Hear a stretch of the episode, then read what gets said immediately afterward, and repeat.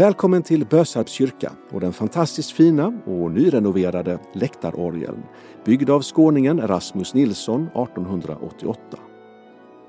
I den här ljudguiden medverkar organisten och orgelexperten Anders Jonsson som också spelar all musiken och Gustav Brandt, kyrkomusiker i Dalköpinge församling. Jag som har producerat heter Fredrik Ammerfors och vi spelade in i november 2021.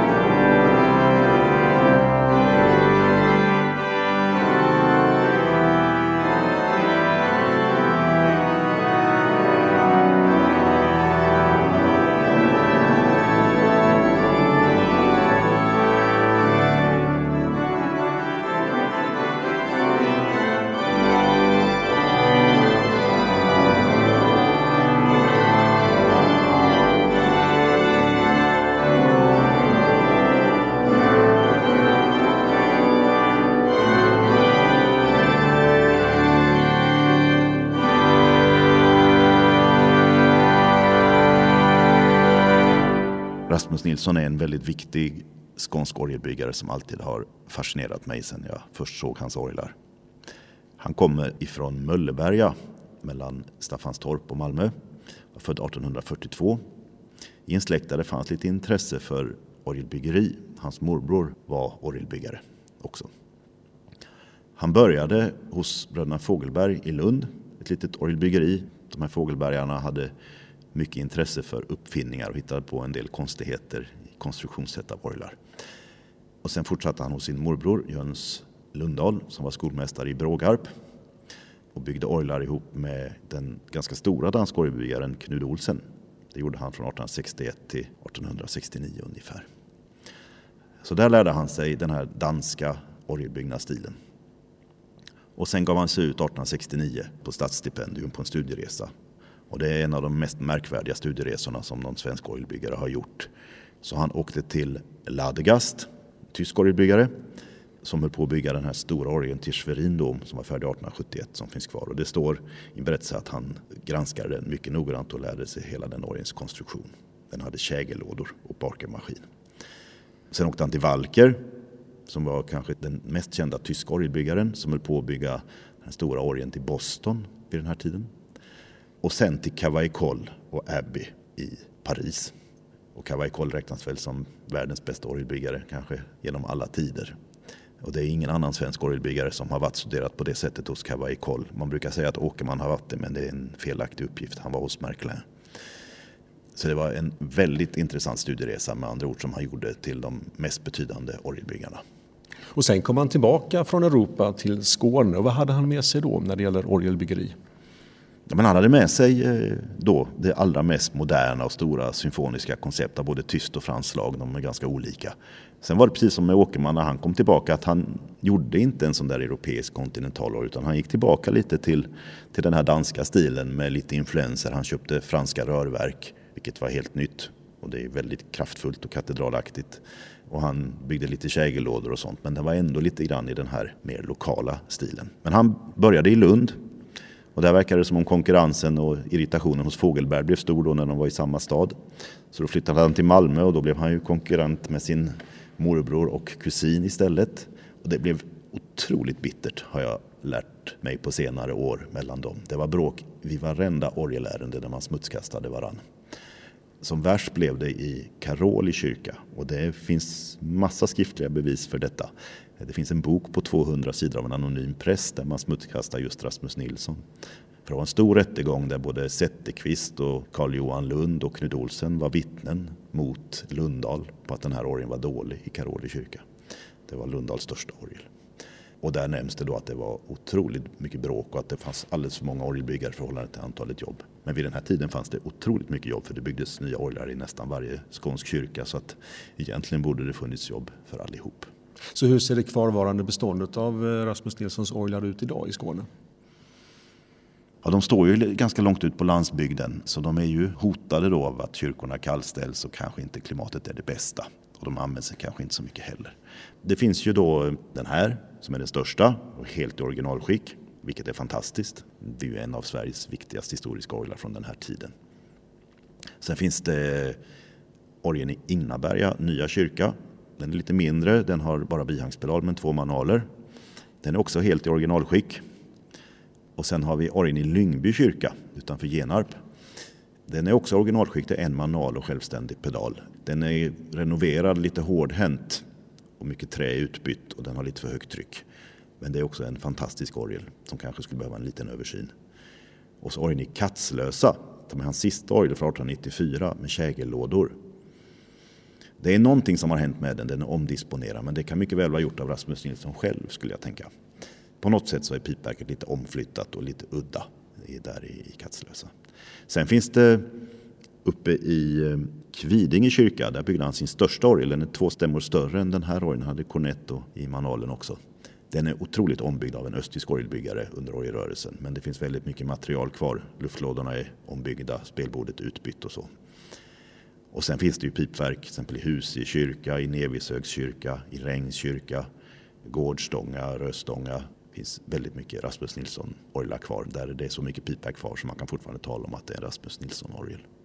Och nu befinner vi oss i eh, Bösarps kyrka och eh, här finns då en av hans bäst bevarade orglar. Vad kan du säga allmänt om just den här orgeln? Den är väldigt påkostad. Den har otroligt fin klang i alla stämmor. Det är också en av hans senare orglar från 1888. Så att flöjter och sånt börjar gå mot ett stråkigare ideal. Som nog har att göra med konkurrensen från Molander som byggde väldigt stråkiga orglar. Så jag tror han försökte gå i den riktningen. Det kan vi väl tycka är lite synd idag med de här vackra överblåsande flöjterna som finns i hans tidigare orglar. Samtidigt är det en väldigt stor orgel för den här kyrkan så det märks att vi är på Söderslätt med rika bönder där man ville kosta på någonting extra. Det är en riktig katedralorgel och genomslående klarinett och basun i pedalen och så öppen 16 fot i pedalen. Det vill säga det är en stor orgel som lika gärna kunde ha stått i en stadskyrka vid den tiden. Och den här har då helt nyligen genomgått en lite akut eh, renovering. Eh, varför och vad gjorde man? Jag har ofta varit här med studenter och besökare och sånt som är intresserade. För det är ju en av stiftets mest intressanta orglar och alla blir väldigt imponerade utav den. Den har varit i dåligt skick länge. Den renoverades, kanske inte jätteseriöst, 1981 av Kron. Sen har man hållit den i skick och den har verkligen gett ett gott intryck men har varit i behov av service och rengöring. Och sen har man haft problem med värmesystemet här. Så den har alltid varit angripen av strimlig trägnagare och den är faktiskt ganska hårt skadad, värre än man tror av det här oren. Det är många delar som är uppätna. Men sen när jag var här för två år sedan eller något sånt så upptäckte jag att det var ny färsk sågspån från de här strimmiga trägnagarna och det var ännu mer mögel än vanligt i orgen. Väldigt mycket mögel. Och då var det att uppvärmningen i kyrkan hade krånglat. Så då slog jag larm för de här insekterna kan ju verkligen förstöra orglar. Det har de gjort med nästan alla historiska orglar i Skåne. Så det finns inte mycket delar av trä kvar som är yngre än 1930 i våra orglar i, i Skåne. Så stiftet gick in med akuta pengar från kyrkoantikvarisk ersättning för att rädda orgen. Och allt som är gjort är inte gjort, men ganska mycket är gjort ändå. De värst skadade delarna är utbytta så att alla pipor är någorlunda täta och eh, möglet är borta. Orgen är rengjord och den har också fått tillbaka sitt originala lufttryck. Det var lite för högt lufttryck på orgen. Det finns lite kvar att göra. Den här eh, violon 16 i stora oktaven läcker fortfarande lite för mycket. Jag tror man måste till och med byta ut någon pipa för de går inte att rädda. De är för uppätna. Och det finns även delar i trakturen som är väldigt skadade av strimmigt trägnagare så det är svårt att justera orgeln nu också.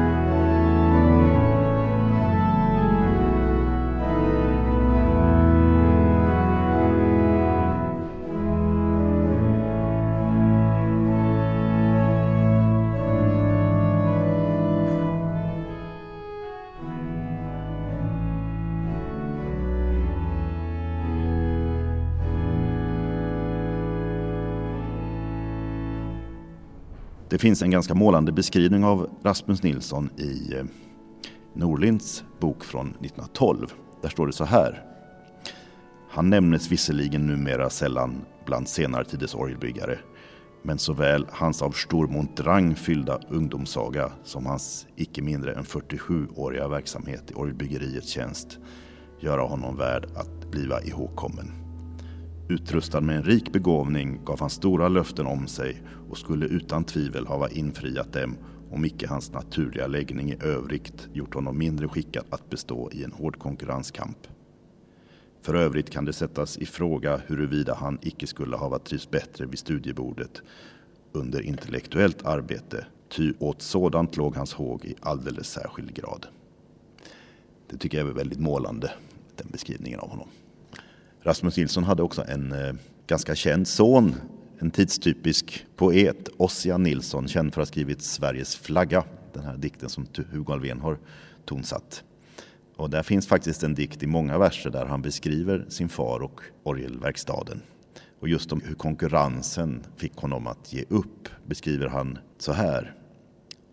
Ett människohjärta av själfull metall så uppläts i sång och flödade ur det fängslande svall. Ej ord låtit ana gång. Bekymrande stora, bekymrande små och tvivel och strider med krav och med bud. Mot valven jag hörde den klappande slå som bönliga suckar på porten till Gud. Det växte likt sorg, det hävdes likt harm, likt manlig vrede som kräver ett svar. Det sprängande myckna en människovarm kan rymma och samla i nätter och dagar. Det var en och en halv vers ur den här långa dikten där han också beskriver hur det sjuder i tänggrytor och sånt där så man får en, en inblick i hur det gick till på en orgelverkstad som låg i Stadt Hamburg mitt i Malmö vid Gustav Adolfs torg vid den här tiden.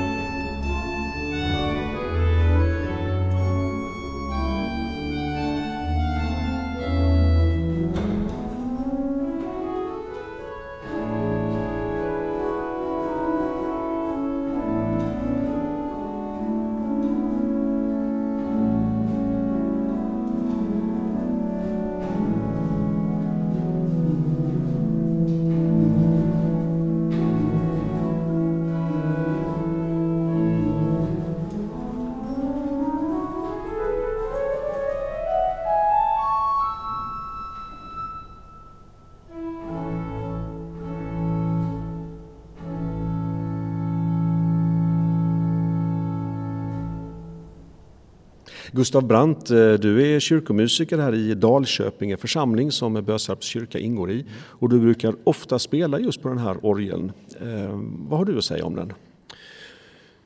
Den är lite tungspelad, man får eh, ta i lite extra emellanåt. Men som Anders har nämnt så är det en ojämförbar klang nästan till nu jämfört med innan restaureringen. Det är en behagligare klang framförallt om man kan urskilja stämmorna på ett mycket tydligare sätt.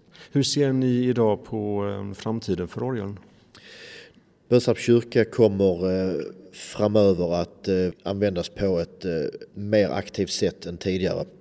Eh, den har tidigare endast varit en högtidskyrka men nu är planen att använda den för betydligt mer konsertverksamhet, förlägga fler gudstjänster och eh, redan nu på söndag så sammanfaller firandet av första advent med Bösarps kyrkas 150-årsjubileum. Så då kommer eh, Anders vara gäst och återinviga orgeln skulle man kunna säga efter restaureringen. Och eh, det ser vi fram emot väldigt. Vilken repertoar passar bäst för den här orgeln? I och med att det är en ganska stor orgel går det faktiskt att spela det mesta, men det är ju repertoar från orgelns tid. Den har ju sitt omfång med D i pedalen och F i manualen uppåt. Det begränsade till den där stora romantiska repertoaren faller bort. Vidor och sånt där en del. Men eh, stort sett allting går att spela. Mendelssohn, Reinberger, all den svenska. Vi har inte i och för sig så mycket svensk repertoar. Om man pratar om Otto Olsson och Oskar Lindberg och sånt så är det ju lite senare än den här stilen. Utan det är ju Heinze och Mankel och mer den repertoaren. Kanske Gustav Hägg också passar bra. Alltså 1800-tals musik och det har vi inte jättemycket i Sverige. Det har man mer i Danmark. Så den musiken, och det är ju nästan en dansk orgel. Så där har man ju Hartman och Gäde som passar fantastiskt bra på den här orgeln. Och alla piporna i orgelfasaden är ljudande pipor? Ja, stort sett alla pipor. Det är principal 8 i eh, manual 1 och dessutom principal 16 från lilla C. Så det är två stycken 8 fots principaler i fasaden, vilket också var ganska ovanligt vid den här tiden. Det är ett klassiskt drag. Hur skulle du beskriva själva orgelfasaden? Ja, den är väldigt stor, typiskt nygotisk, den här lite tyngre nygotiken som man finner just i den här danska stilen med ganska stora träytor och den är i fem spetsbågefält. Det är en väldigt helgjuten miljö här med en nygotisk kyrka där faktiskt originalmålningar och allting är kvar. Det är ingenting som är förändrat i kyrkan så orgeln är verkligen också i en autentisk miljö. Den här lilla katedralen på Söderslätt med sin påkostade orgel. Och jag tänkte på just det när man kommer till kyrkan så ser man Karl XVs monogram över porten och då kommer jag att tänka på Bernadotte-släkten. Där finns ett väldigt okänt stycke, en Triumphal March som är publicerad i USA i en antologi av Flagler av Wilhelm Heinze som ju var den stora svenska organisten som var i Royal Albert Hall och, och spelade 1871 i sällskap med Bruckner och så. Han var organist i Sankt Jakob i Stockholm, var den största orgelexperten, jobbade mycket med Åkman och Lund vid den här tiden. Och så kom han till Lund som domkyrkokapellmästare 1890. Men det här stycket då, plötsligt det står ingenting i noterna, dyker ju kungsången upp skriven till Karl XVs far, Oscar I av Lindblad som en manskörsång på 1840-talet. Så det är ett stycke som passar väldigt bra på den här orgeln av lokal karaktär.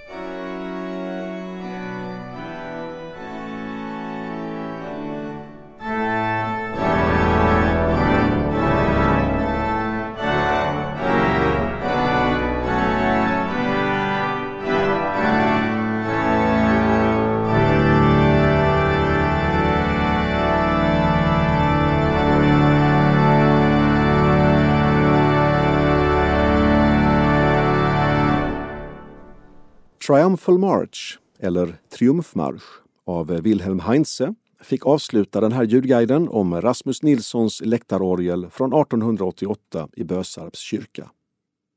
Ni har också hört parafras över en kör ur Händels Judas Maccabeus av Alexandre Guillemont.